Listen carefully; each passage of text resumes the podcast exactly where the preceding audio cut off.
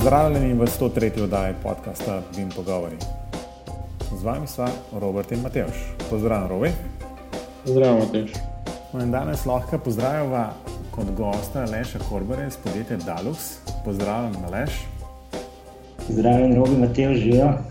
No, Zaležem sem se, v bistvu, ne vem, če so se prej sploh že spoznali ali pa srečali, pogovarjali, ampak uh, zanimivo srečali so se na, na preteklem Beam Worldu v, v Münchnu, kjer smo imeli predvsej tako uh, dobro diskusijo okoli tega, čemu nekako v Beam sferi rečemo CDE ali pa lepše po slovensko skupnemu podatkovnemu okolju.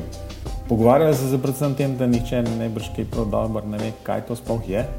Čeprav smo mi nekaj že o tem govorili na BIM pogovorih in to že daljne oddaje 53, rok, jaz se spomnim tega. Vse nismo samo enkrat, smo ful, samo ne vem, kje je bilo pa 53. 53 je imela prav naslov BIM pogovori od CDE. In jaz sem že to malo pogledal in tam so omenjali cel kup enih CDE-ov, od Viewpointa in Project Wise in Conjecta in podobnih. Ne. In nekako smo tudi omenili vse te skrnice, da je ne, um, razni, razni rešitve na Dropboxih in Google Drivih in podobnih stvareh. No, in um, danes bi v bistvu ta pogovor nadaljeval, ampak za začetek bi uh, prosil Leša, da, da se po parih stavkih pove, zato da bodo imeli poslušalci malo več vedeli o tebi, s kom se sploh danes pogovarjamo. Najprej obima hvala za povabilo na tole vdajo. Um, v bistvu um, sem Leš Korvar, drugače sem predstavnik podjetja Dalux v naši regiji. Uh, moja vloga je v bistvu svetovanje in pomoč pri implementaciji rešitev za upravljanje dokumentacije in informacij na gradbenih projektih. Če mogoče samo par besed o podjetju, pač imamo rešitve, pokrivamo uh, različne faze življenjskega cikla objektov, načrtovanja, gradnje in, in vzdrževanja govorimo o rešitvah za učinkovito upravljanje dokumentacije in, in informacij ter sodelovanje na projektih. Ja, misl, mislite, da to kar dobro kvalificira za sogovornika okoli uh, CD-ja? Uh, tako da pokazal se mi tudi rešitev, jasno, kaj Dalex uh, ponuja, ampak mi danes ne bomo zganjali marketinške vdaje, um, nismo sponzorirani od Dalexa, wink, wink. Ne? Um, ampak um, bi se nasplošno pogovorili. Mislim, da, da, da kot rečeno, nekdo, ki, ki to nekako ponuja nekim uporabnikom, verjetno veš predvsej um, tudi o um, drugih vaših, recimo, temu, konkurentih. Um, ampak, ampak za začetek bi v bistvu nekako tako zelo splošno vprašanje, v bistvu, kaj sploh to je. No? Sve definicije je mnogo. Zdaj, če pomalo pobrskate to po internetu, boste videli, da skoraj vsako podjetje, vsak, ki se te, te kratice dotakne, bo povedal neko svojo, neko svojo definicijo tega. Seveda lahko potem mogoče izlučimo neko tisto, ki nam je najbolj všeč. Ampak jaz sem začel z zelo poenostavljeno definicijo, um, ki bi jo mogoče nadgradil skozi ta podgovor pogovor. Ampak eh, CD, CDE je za me dokumentni sistem, ki je namenjen obvladovanju dokumentacije in informacij na gradbenih projektih. Če pa tako nadgradim naprej, pa moram reči, da mora biti seveda skladen z neko BIM metodologijo dela. Zdaj, ta definicija je tako splošna, da bomo morali nadgraditi tekom ja. našega pogovora. Zato, ker se mi zdi, da ta definicija vključuje potem marsikaj za nekoga, bila bi CD tudi samo vem, FTP ali pa ne vem, nek mrežen disk ali kaj takega. Tako da, ne, zdaj tudi bila govorila o tem, na kakšnem nivoju so različna podjetja, na kakšnem nivoju implementacije BIM-a. Ampak to je, mislim, da en drug, ena druga debata. Uh, bi pa mogoče potem vprašati, vprašati no, če takoj zatem nadgradiš, kaj je CD za vas. Če se samo mečkaj vrnem na, na, tvojo, eh, na tvoj stavek, um, je pomembno v tej definiciji, da sem rekel, da je um, dokumentni sistem za obladovanje tudi informacij na projektih, torej ne same dokumentacije.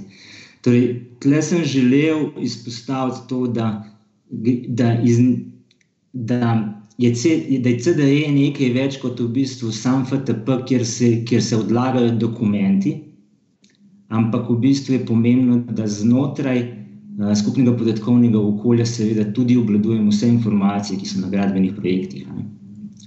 In zdaj, če, seveda, če to gradim naprej, če odgovorim na tvoje vprašanje.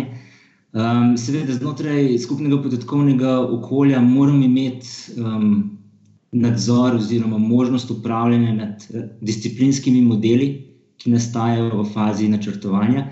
Moram združevati te discipline, moram imeti sposobnost združevanja dveh disciplinskih modelov, nek skup, skupen, uh, združen model. Moram imeti v današnjem času podporo OpenBeam metodologije dela, torej samo podporo IFC dokumentom, BC, BCF dokumentom, um, COBI formatu in ne nazadnje integracijo, čim večjo integracijo z modelirniki, moram zagotavljati, da so dokumenti med sabo povezani na različne načine. Primer, da je 2D načrt povezan z, z modelom, da so BIM elementi modela povezani z neko tehnično dokumentacijo, recimo z navodili za ugradnjo in tako naprej. Moram, poter, moram v bistvu zagotoviti znotraj skupnega podatkovnega okolja potrjevanje dokumentacije, dodeljevanje najrazličnejših nalog, razreševanje ne vem, nejasnosti, v fazi načrtovanja, in ne na zadnje, kasneje v fazi gradnje, zagotoviti neke zahtevke za informacijo od projektanta, zahtevke za spremembo, potrjevanje in tako naprej. Um, in ne najpomembnejše, ampak um, vsekakor pa ne zanemarljivo, mora imeti sledljivost dokumentacije in informacij. To je v bistvu za me skupno podatkovno okolje. V, v verzijah tukaj dokumentacije ne govorim, seveda, vrženik mora biti v zadnji in tako naprej. Okay, eh, jaz bi takoj za tem imel eno zelo tako provokativno vprašanje.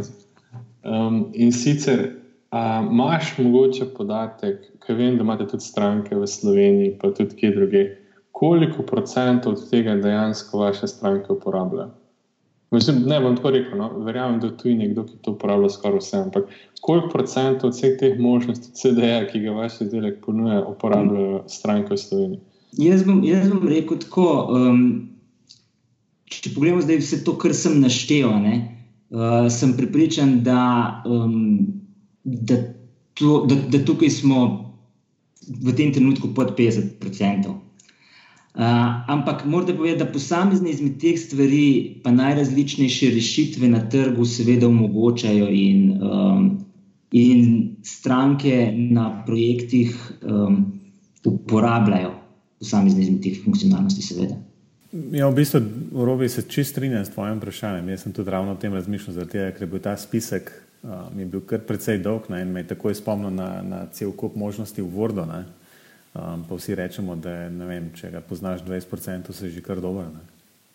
Verjamem, da je to zelo povezano tudi z, um, tako kot si tudi prej rekel, z nekim razvojem, oziroma pač koliko daleč je ta implementacija BIM-a na nekem projektu, ali pa koliko daleč um, je neka firma vstopila v ta BIM proces, koliko so ga ponotranjali. Ali je kakšna ocena v bistvu tega, kako pa recimo um, različne, različne firme to sprejemajo. Recimo, jaz verjamem, da um, nekdo, ki je bolj vezan na samo gradno, ta, ta del, se pravi, ta CDE dojema drugače kot nekdo, ki sodeluje predvsem v fazi načrtovanja. Kako imaš kakšne podatke, kako, kako je uporabo CDE-ov v tem smislu?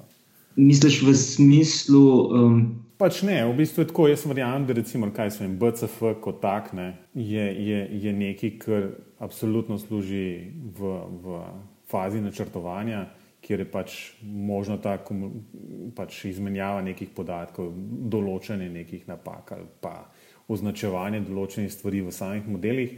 Ne vem pa, koliko je recimo je to en, en vidik uporabe, en drug vidik uporabe, pa ne brž čisto v fazi gradnje, kjer je pa, recimo, vsaj meni se zdi bolj poudarek na potenži na neki dokumentaciji, kjer je ta model bolj ali manj že zgrajen, jasno, da ga, se ga spremenja ali pa se ga dodeluje, ampak v bistvu je pa ta vidik dokumentacije in podpisovanja in tako naprej mogoče še bolj pomemben. Ja, to vsekakor se strinjam. Zdaj, tle, treba mogoče še eno stvar podariti, um, ki se jo nismo dotaknili, pa je problematika obvladovanja dokumentacije. Pa ne bo zdaj to ali v fazi načrtovanja ali pa v fazi gradnje. Je za, je za moje pojme no, um, podobna, pa ne si bo to zdaj uh, BIM projekt ali pa tradicionalen projekt. Um, Umenjam pa zdaj to predvsem zaradi tega, ker se pač smo se pogovarjali, ker, ker si pač zdaj omenil BCF dokument um, in tako naprej. Ampak seveda, um, obladovanje dokumentacije je vedno bil problem. Torej, tudi na tradicionalnih projektih uh, imamo v zadju nek proces potrjevanja dokumentacije. In če ga uspemo uh, digitalizirati, ta proces, če ga, če ga znamo spraviti v neko v neko obliko in avtomatizem potrjevanja, uh, sem jaz pripričan, da um, smo na ta način lahko učinkovitejši. Uh, in jaz moram reči, da na vprašanje o naših strankah, Daluxovih strankah, niso vsi projekti BIM projekti. Uh, torej so tradicionalni projekti, pa to uh, še ne pomeni, da se potem ne uporablja nekega dokumentnega sistema, za obladovanje dokumentacije in informacij na, na projektu. To je v bistvu odlično izhodišče za naprej. Ne? Jaz moram reči, da mi je bilo zelo všeč, tako kot si že na začetku začel predstavljati, ne? ker si nisi imel samo na BIM. Ne? Meni se zdi, da se v tem CD-ju govori izključno samo v domeni BIM, pa to sploh ni res. Ne? Zato, ker lahko, lahko, mislim, mi tukaj govorimo o CD-ju kot v nekem središču izmenjave podatkov.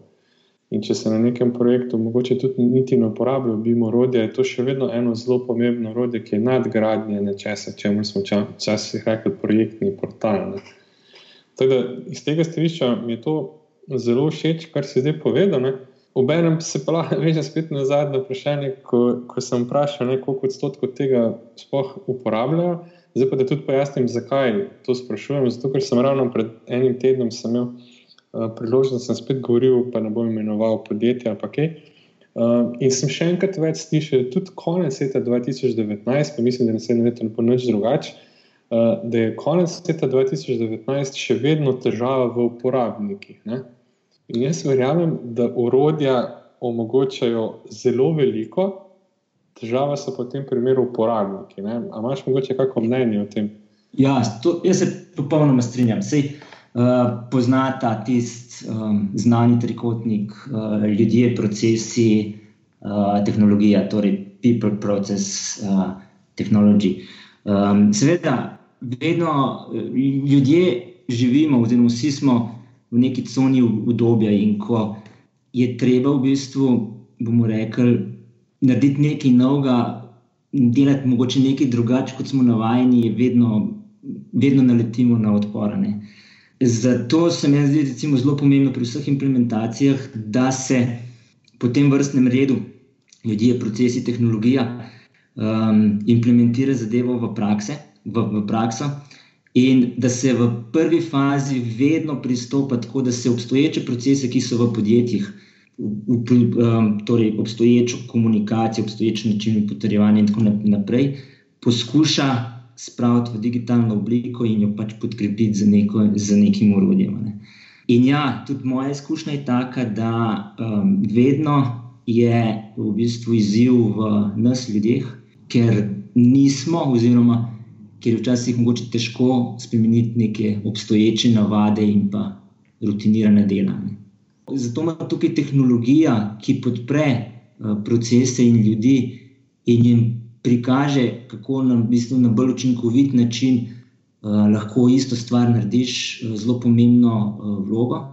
In je vloga tehnologije v smislu, da je uporabniku prijazna, da hitro pokaže rezultate, uh, zelo pomembna. Kratka, če nadaljujemo tole, v tole smer, ker um, se mi zdi, da je uh, zelo zanimiva v bistvu. Uh, to načeloma sicer strinjam, ne? je pa, je pa najbrž uh, tudi res, da te procesi, ki so obstoječi, pa, se, pa ne bi se jih samo digitalizirali, tudi niso najbrž na koncu koncev optimalni. Ne? Zdaj najbrž je treba najti nek pametno ravnovesje med tem, da, da se samo klasični procese digitalizira, pa med tem, da, da pač neka nova tehnologija, ki dejansko spremeni tudi sam proces, obstaja in je treba pač izkoristiti. Se strinjam. če lahko tukaj samo dodam, uh, to je to, točno to, kar si rekel, to je čista resnica. Ampak z vidika implementacije in integracije takih rešitev je pa pomembno to, da ko pristopaš, ko jaz pristopam kot svetovalec oziroma kot implementator sistemov, da v bistvu pristopam evolucijsko. To pomeni, da najprej podpremo obstoječ proces dela, pokažemo že na obstoječem procesu dela, če ga digitaliziramo, um, na kakšen način lahko v bistvu bodo zdaj uporabniki uh, pri tem prihranili, in potem evolucijsko to nadgraduj, nadgrajujemo in optimiziramo to uh, v nadaljni fazi. Ker če pristopiš z Eh, če pristopiš v podjetjih z tem, da boš zdaj postavil na glavo njihove obstoječe procese, ki so, ki so v bistvu delovali pri njih, bom rekel, 5-10 let, eh, boš sigurno v bistvu naletel na odpor. Se strani uporabnikov. To, to, da, da mi gre mečka na smeh, ampak ne, ne, ne, ne zaradi tega, kar si rekel, ampak zaradi tega, ker sem pomislil, da najbrž, najbrž te procesi niso delovali že 20 let. Ne? Ampak, ja. ampak, ampak zdaj samo določeni, ki so imeli prej moč, enostavno z novimi procesi, v bistvu te moči več nimajo ali pa kaj podobnega. No? Ampak to je že druga zgodba. Ampak v bistvu, neki, neki, v bistvu so se to že tudi umehno pogovarjali, pa nekako v smeri, da teh razno raznih ponudnikov, teh in onih okoli, se pravi, od vsej, da jih govorimo, je bilo vsaj tam umehno mislim, da je bila vsaka druga stojnica, ki je v tem smislu. Ne. Od Oracle do Conjectov, do, do v bistvu konc koncev vs, pa do vseh ostalih, ki jih pač um, ne bomo zdaj le niti omenjali. Da mi sam povejo, v bistvu, a je, je dejansko trga dovolj za, za to, ali je v bistvu trg pač teh skupnih podatkovnih okolij še toliko mlad, da da, da, v bistvu, da bo trajalo še nekaj časa, da bodo recimo, se skristalizirale neke konkretne smernice in rekli, v redu za takšne projekte bomo mi pa Oracle uporabljali, za, za neke druge bomo pa za nekaj drugega. Kako ti to vidiš? No? Ja, ja, jaz se strinjam, da je popolnoma trg in nasičen tega, tako da teh rešitev je ogromno. Ampak um, v naslednji fazi bi pa rekel, da na trgu dobrih rešitev, ki bi omogočali v bistvu hitro implementacijo, hitro vidne učinke, ne na zadnje, pa ni veliko.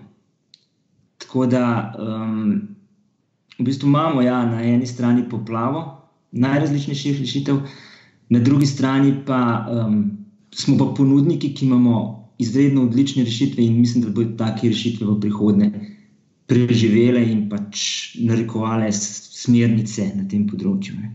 Je, a se lahko zdaj vrnem na vaše rešitve? Um, in veš, kaj me zanima? Prej si omenil, kaj vse omogočajo, pa podpirajo, pa tako naprej. In je bilo tudi dosti govora o BCF-ju, pa ko bi bil, ja. pa ne vem, kaj vse. Ne? In to v bistvu vsi poudarjajo, da to podpirajo, da je to možno uporabljati. Ampak, če pa zdaj pogledamo celo sliko, ne?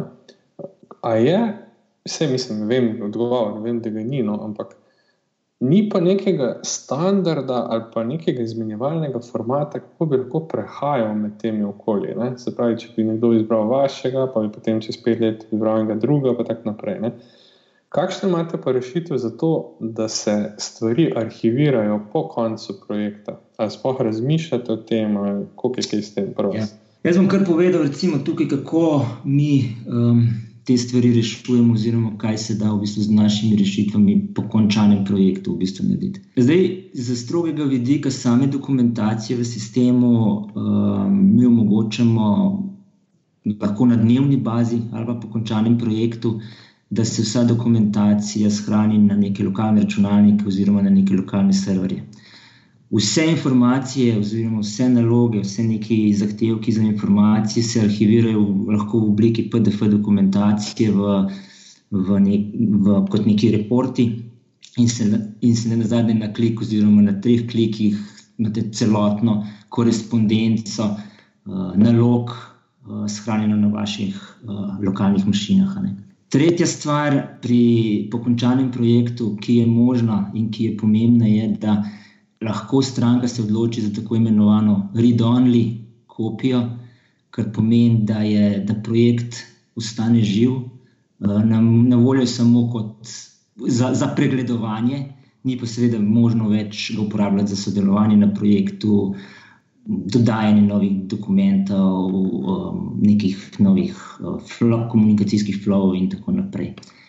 Četrti pristop je pa, da lahko preko našega modula Dialog Handover um, v bistvu pripeljete v bistvu za pomembne pripravite um, potrebno dokumentacijo in informacije za kasnejši facility management, uh, upravljanje objekta. Torej, postavite potem ali uporabite naprej naš Dalux FM, ali pa v bistvu uporabite te informacije, eksportirate v, v nek kobi format in pač ga uporabljate in upravljate te informacije naprej v nekem drugem facility management sistemu. Meni se zdi, tisto, predvsem tisto, da je read-only kopija še naprej uporabna, se mi zdi odlično. Ne? Uh, vsaj to, kar vem, da so izkušnje z enimi drugimi sistemi, tako da si pač zaprt v sistem ali pa pač vzemi ali pusti. To, to se mi zdi en zelo pomemben vidik, na katerega takoj na začetku uporabniki niti ne pomislijo. Um, ampak je pa nekaj, o čemer bi mogli razmišljati že od vsega začetka. Pa me zanima tako, no, vem, da vsaj za eno slovensko podjetje, vem, da, da zelo veliko uporablja vaše produkte. Ne? Pa me zanima, ali so že končali kak projekt z, vašim, z vašimi rešitvami, pa kaj so se odločili, kaj bo z informacijami po končanem projektu. En projekt, mislim, da se bo zdaj v roku parih dneh končal. Šlo je za manjši projekt. Rečemo, da je celo tako, da ni bil, uh, mislim, da ni bil BIM projekt, da je bil tradicionalen projekt, kjer so uporabljali naše rešitve. Uh, in pač oni so se odločili, da na tem manjšem projektu bodo uh, poskrbeli za lasten arhiv. To pomeni, da bodo vso dokumentacijo, vse uh, naloge, vse uh, zahtevke, potrditvene liste in tako naprej arhivirali v dodatno potem še v PDF obliki. Torej bodo naredili kopijo iz našega sistema. Ne bodo uporabljali kot redo ali naprej. Ja, ampak v bistvu zdaj ta debata, tale debata v bistvu je dejansko, se mi zdi, da je zbudila novo vprašanje. Uh, še posebej, mogoče, mogoče pač odgovor, tako kot si ga dal, ja, da pač obstajajo te rešitve, obstajajo rešitve tudi, ne vem, spraviti v PDF, pa ne vem, v tem smislu. Ne? Ampak to konc koncev niso neke rešitve. Ne?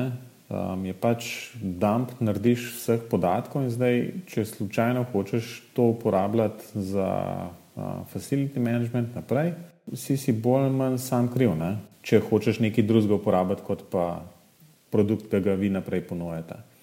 Zdaj, ali, ali je v bistvu, sem pripričan, da je še vedno, um, obstaja dejansko neko format, ki bi potem pač dejansko to, vso to dokumentacijo vem, znal zapakirati na ta način, da lahko nek drug tak sistem to nekako pogotne in v bistvu sprocesira, da, bi, da bi se izognili temu podvajanju vnosov podatkov. Čist, čist v celoti, seveda, tukaj je, tukaj, um, kar jaz poznam uh, situacije na trgu, tukaj obstaja luknja. Tukaj, tukaj treba reči, da tukaj potem uh, po končani gradnji obstaja določena luknja, um, kako v bistvu to spraviti v uh, facility management. Uh, seveda, zdaj, če, če stranka ostane na istem, pri istem ponudniku, recimo, če ostane pri nam, potem to ni problema, ker mi to v bistvu spravimo lahko na klik v, v FM.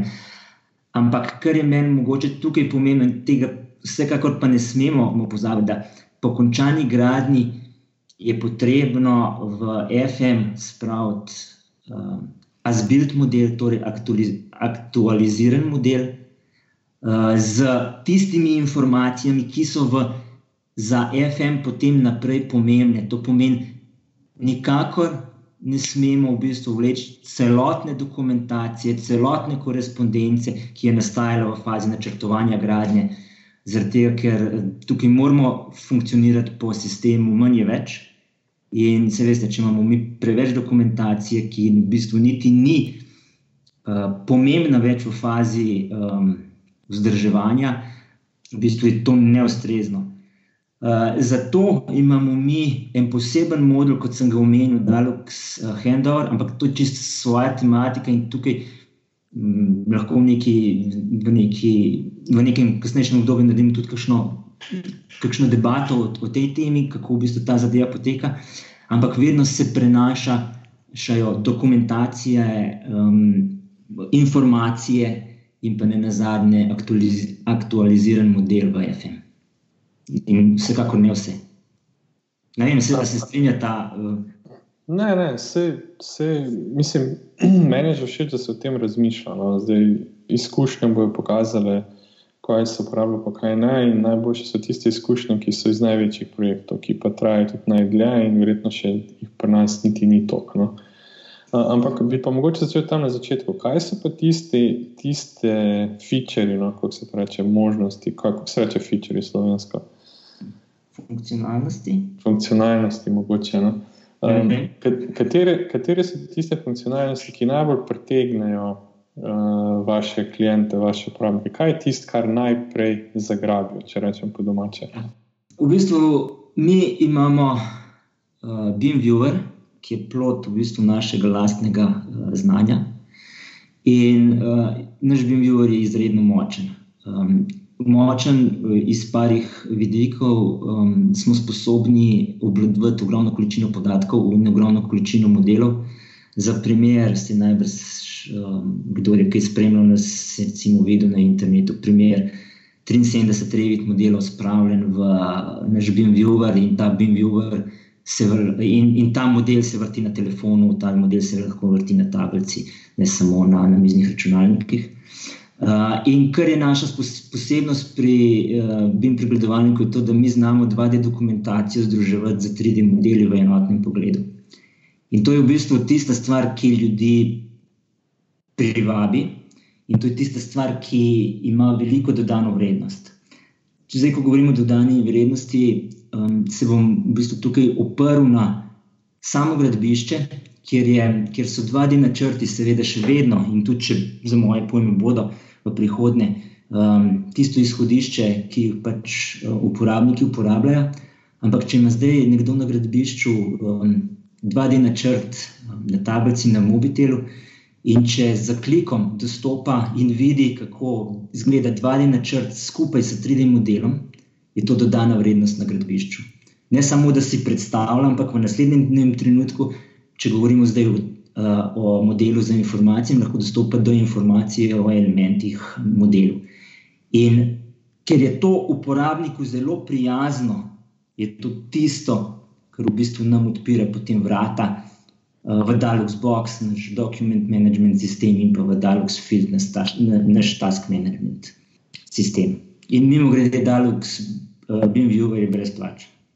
Kako je pa v bistvu no, skratka, veš, na gradbišču, ki si že omenil, gradbišče, v bistvu imamo um, cel kup enih um, delavcev, od tistih, ki, ki v bistvu dejansko um, so manj kvalificirani, pa do, do vse do naprej. Um, kako je pa uporaba, uporaba takšnih urodij, um, pač sede na, na tem nivoju, no, v bistvu čist.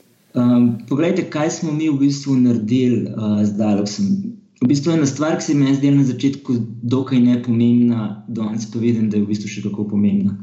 Mi imamo tako um, skupno podatkovno okolje, če temu zdaj tako rečemo, in v bistvu uh, task management rešitev prevedeno v slovenski jezik. Torej, to je v bistvu, mislim, da tudi, če govorimo o skupnem podatkovnem okolju, mislim, da je prvo skupno podatkovno okolje s to definicijo ki je na voljo uporabnikom v slovenskem jeziku. In to je ne na zadnje na gradbišču pomembno. Mogoče ni pomembno to za vaju, mogoče to ni pomembno za mene, ampak v bistvu na gradbišču pa ta zadeva se je izkazala kot pomembna. Druga stvar, kar je pa zelo pomembno, je pa, da mora biti rešitev enostavna za uporabnike, in mi smo pripričani, da mora biti BIM za vsakogar. Torej, um, dosegljiv ne na zadnje vsakomur in da ga zna tudi v bistvu vsak, bom zdaj govoril pa o modelu tak model pregledati in ga, in ga upravljati. In če je uh, rešitev uporabniku enostavna, torej, če, rekel, če ljudje znajo upravljati, če znajo uporabljati Google Maps, Google Earth in tako naprej, bodo znali uporabljati tudi naš Dalox. In pri nam je z vidika razvoja zelo pomembno, da, so, da je v bistvu uh, uporabniška izkušnja um, odlična in da je v bistvu produkt enostaven za uporabo. In to v bistvu trg potem pokaže, ali je rešitev dobro sprejeta med uporabnikom ali ni.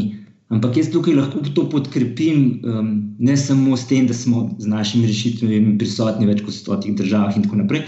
Ampak recimo na projektu, jaz imam tukaj v bistvu tudi ene številke in lahko govorim o teh številkah z dovoljenjem naročnika. Naš naročnik, kolektor je na projektu, na prvem projektu, ki ga je uh, v bistvu implementiral, je bil v bistvu Daleks implementiran. Trenutno je na tem projektu 79 uporabnikov kar pomeni, da je zadeva močno zaživela. Med uporabniki so tako projektanti, investitor, nadzor, podizvajalci, varnostni inženirji in tako naprej.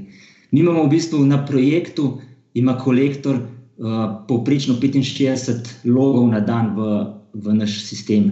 Na projektu je trenutno več kot 1800 dokumentov.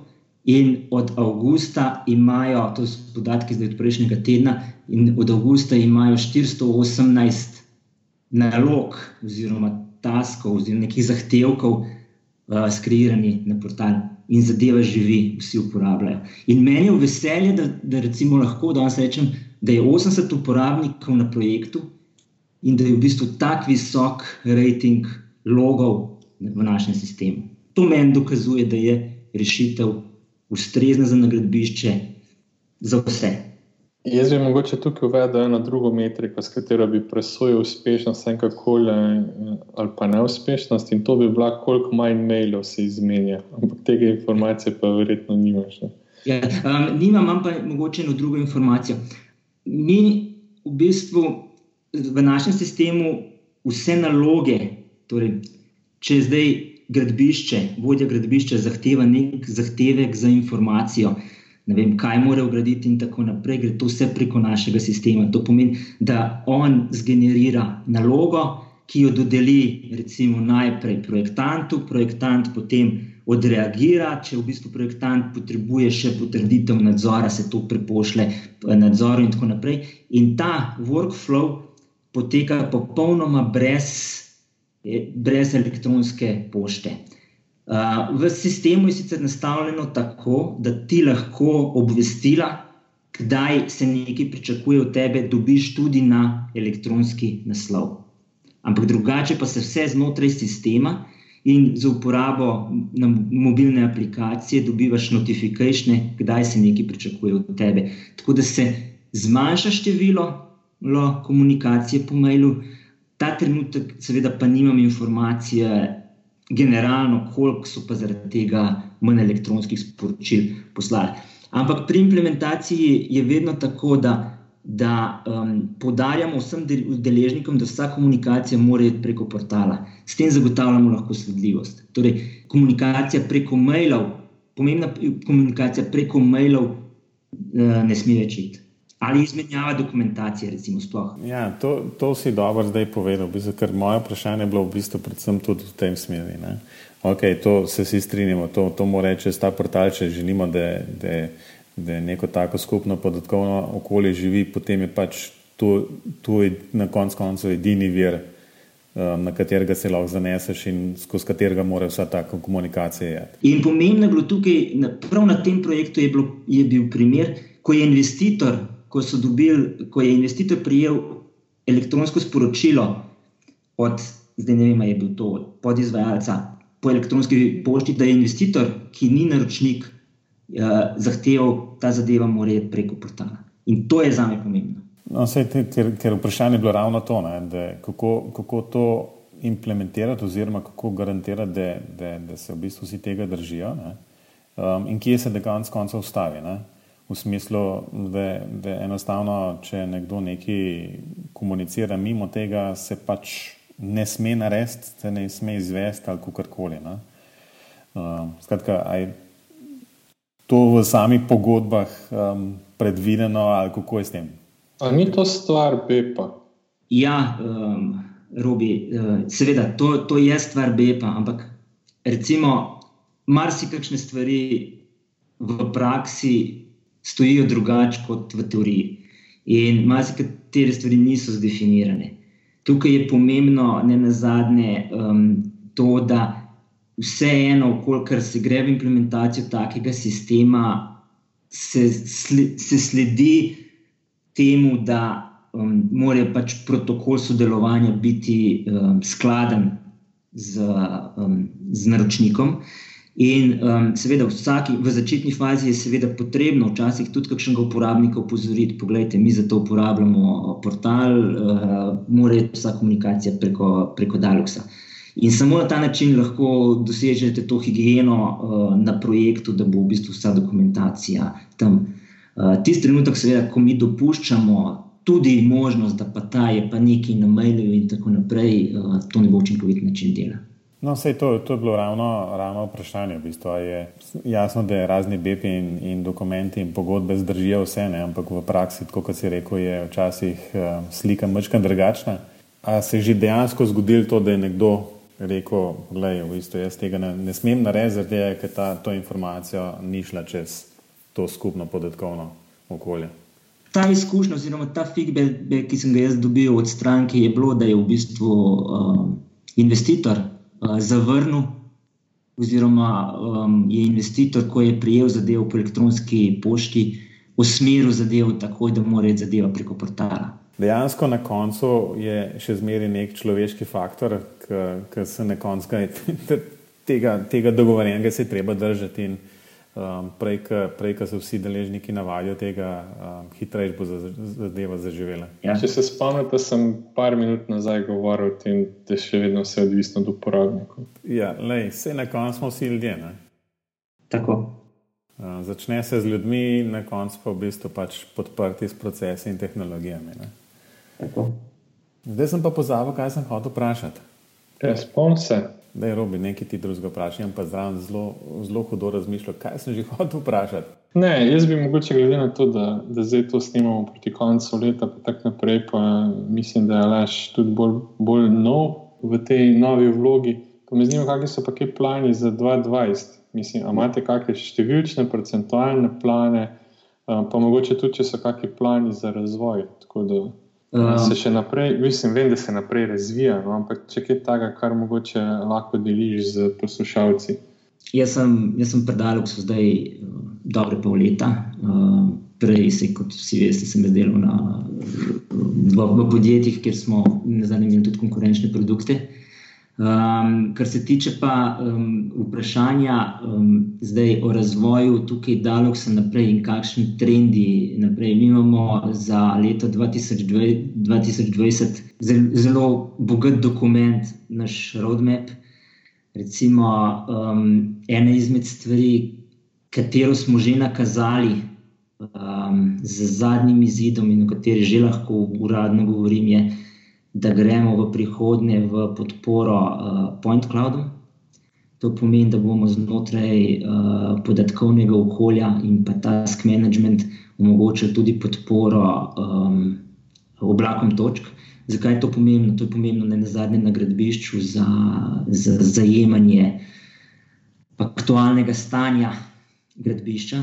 In ponovno, ker smo močni v našem BIM-viewerju, omogočamo to pregledovanje na mobilnih aparatih, tablicah tudi. Tako to je v bistvu ena izmed stvari, um, ki je. In mogoče druga stvar, um, ki bi jo tukaj le izpostavil, um, močno bomo, močno bomo, mislim, da s februarskim izidom, bomo močno prilagodili način dela tudi za, na infrastrukturnih projektih. V bistvu podprli marsikakšen dodaten format uh, in tako naprej.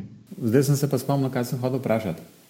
Zdaj govorimo v bistvu, to, to so vse, to so vse um, take um, rešitve, ki delajo na, na strežnikih, konec koncev pa v bistvu uporabniki to, ko si že večkrat omenil, um, uporabljajo na nekih tablicah, prenosnih računalnikih oziroma telefonih, no, pametnih napravah.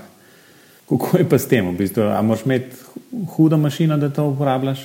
Um, jaz bi vaja izval tukaj, pa bi rekel, da si ob priložnosti um, potestiraj ta BIM viewer.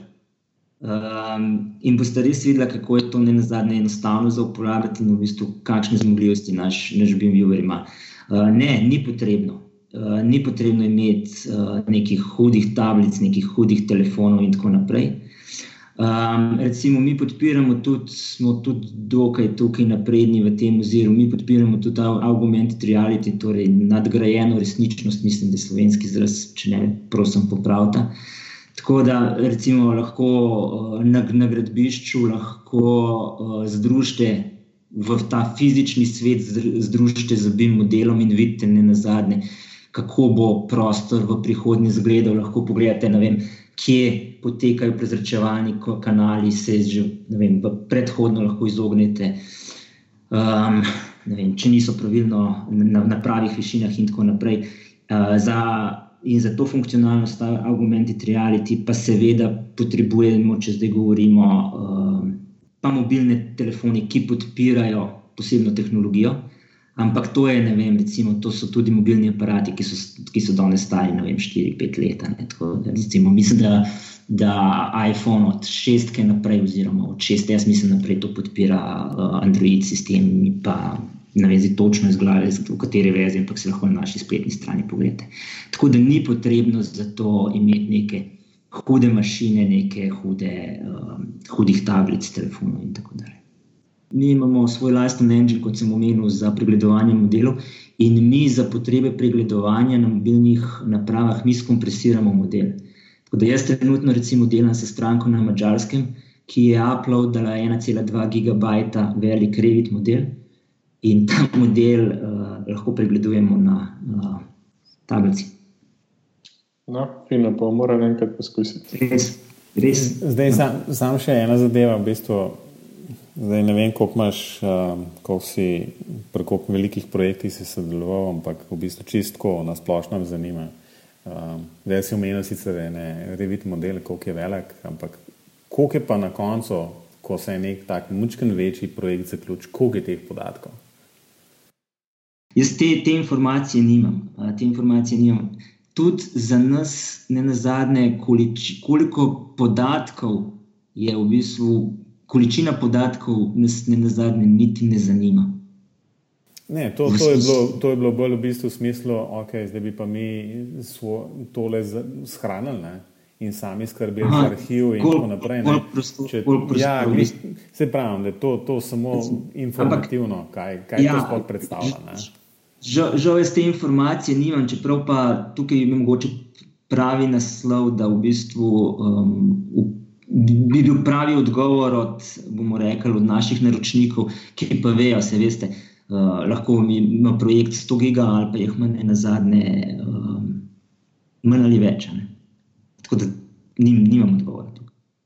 Ja, ne, če mislim, da smo izčrpali, um, da smo izčrpali za danes vprašanje, jaz, jaz bi bil pač zelo zainteresiran, da bi se spet dobili takrat, ko bo spet te prve izkušnje, pa da vidimo še malo bolj, zakaj se odločajo naročniki po končanih projektih, pa tako naprej, pa kako so se izkazali ti CD-ji po neki zaključeni življenjski dobi, kot bi temu rekel. Ja, mislim, da, mislim, da je predvsem treba dobiti sogovornika, ki, ki je sodeloval na nekem takem projektu, ali pa bil vem, investitor, kjer se, se je takošno podatkovno, pa ali to dalo, ali karkoli drugega, um, da se je to res uporabljalo in da je to nek tak reprezentativen, mečken, srednje velik projekt. No. Um, pa da, da slišimo pač izkušnje samih uporabnikov. Um, zdaj smo slišali, v bistvu nekako, kako ponudniki takšnih rešitev vidijo za, so zadevo. Um, nekaj, nekaj ali si povedal tudi um, o informacijah strani samih uporabnikov, ampak jaz verjamem, da, da, da je še cel kup enih zgodb, ki jih ti uporabniki vejo um, in jaz upam, da bojo v enem določenem momentu bili pripravljeni te stvari tudi um, deliti z nama um, in jasno s poslušalci um, podcasta in pogovori. Podalež, preden končamo, jaz bi te prosil, da sam poveš, kje te lahko poslušalci kontaktirajo za dodatne informacije? Poglejte, za dodatne informacije sem dosegljiv na elektronskem naslovu pak.com. lahko greste na našo spletno stran dalux.com, tam izberete lahko slovenski jezik in spodaj imate tudi uh, telefonske številke. Um, tako da stacioniran sem tukaj v Ljubljani, tako da se veselim kakršnih koli vprašanj, pogovorov na to temo. Če želite zadeve potestirati z veseljem, mogočim. Ja, no, jaz bi samo dodal še nekaj premikov in kontakte. Da jaz si želim tudi, da bi se kakšni uporabniki oglasi, ki imajo izkušnje z več, da bi lahko iz prve roke povedali, kaj so prednosti in slabosti, kjer ima. Um, tako da, no, če bi kdo želel to deliti ali za karkoli drugega, pa lahko najde na robertah na princ.net ali pa info na bimpogovori.si. Jaz bi pa vsem se na tem mestu predvsem lež tebi zahvalil, da si si vzel čas. Tole slabo urca pogovorov, predvsem pa tudi um, lahko zaželimo vsi skupaj, ne, poslušalcem, zato ker bo ta oddaja um, 24. Um, pred, pred temi novoletnimi prazniki um, šla, tako da vesele praznike, uspešno novo leto in tako naprej. In se bomo s BIM pogovori vrnili po novem letu. Um, ena čisto posebna oddaja, ki še ne strobijo, mi smo sprobali, pa je moral še posneti. Hvala vam za pogovor. Uh, Aleš in Robi, adijo.